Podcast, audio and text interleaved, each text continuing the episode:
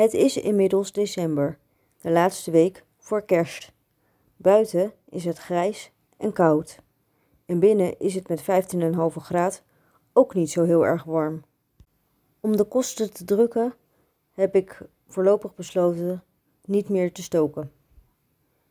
Soms is dat wel een beetje fris, maar ik ben blij dat ik die keuze nog kan maken. Of ik de kachel aanzet of niet. Ik woon in een kleine woning waar de zon volop schijnt, dus als die straks weer gaat schijnen, wordt het vanzelf weer warmer. Ik denk dat we, de, dat we deze winter de warmte vooral moeten zoeken bij elkaar. Door bij elkaar te zijn en om te zien naar elkaar. Voor mij betekent dat deze week kerstkaartjes schrijven, een kerstetentje met mijn collega's en volgende week kerst vieren met mijn familie. Dat het ook nog een drukke week wordt, dat neem ik maar op de koop toe. Dat laat ik maar gewoon over mij heen komen. Net zo als die paar keer dat ik in deze adventstijd naar de kerk ging. Daar kom ik eigenlijk nooit.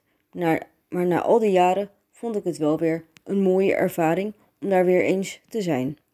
Mocht je overigens fysiek op willen warmen, dan kan dat bij een van de warme kamers van het leger des Hels, die hopelijk bij jou in de buurt te vinden zijn.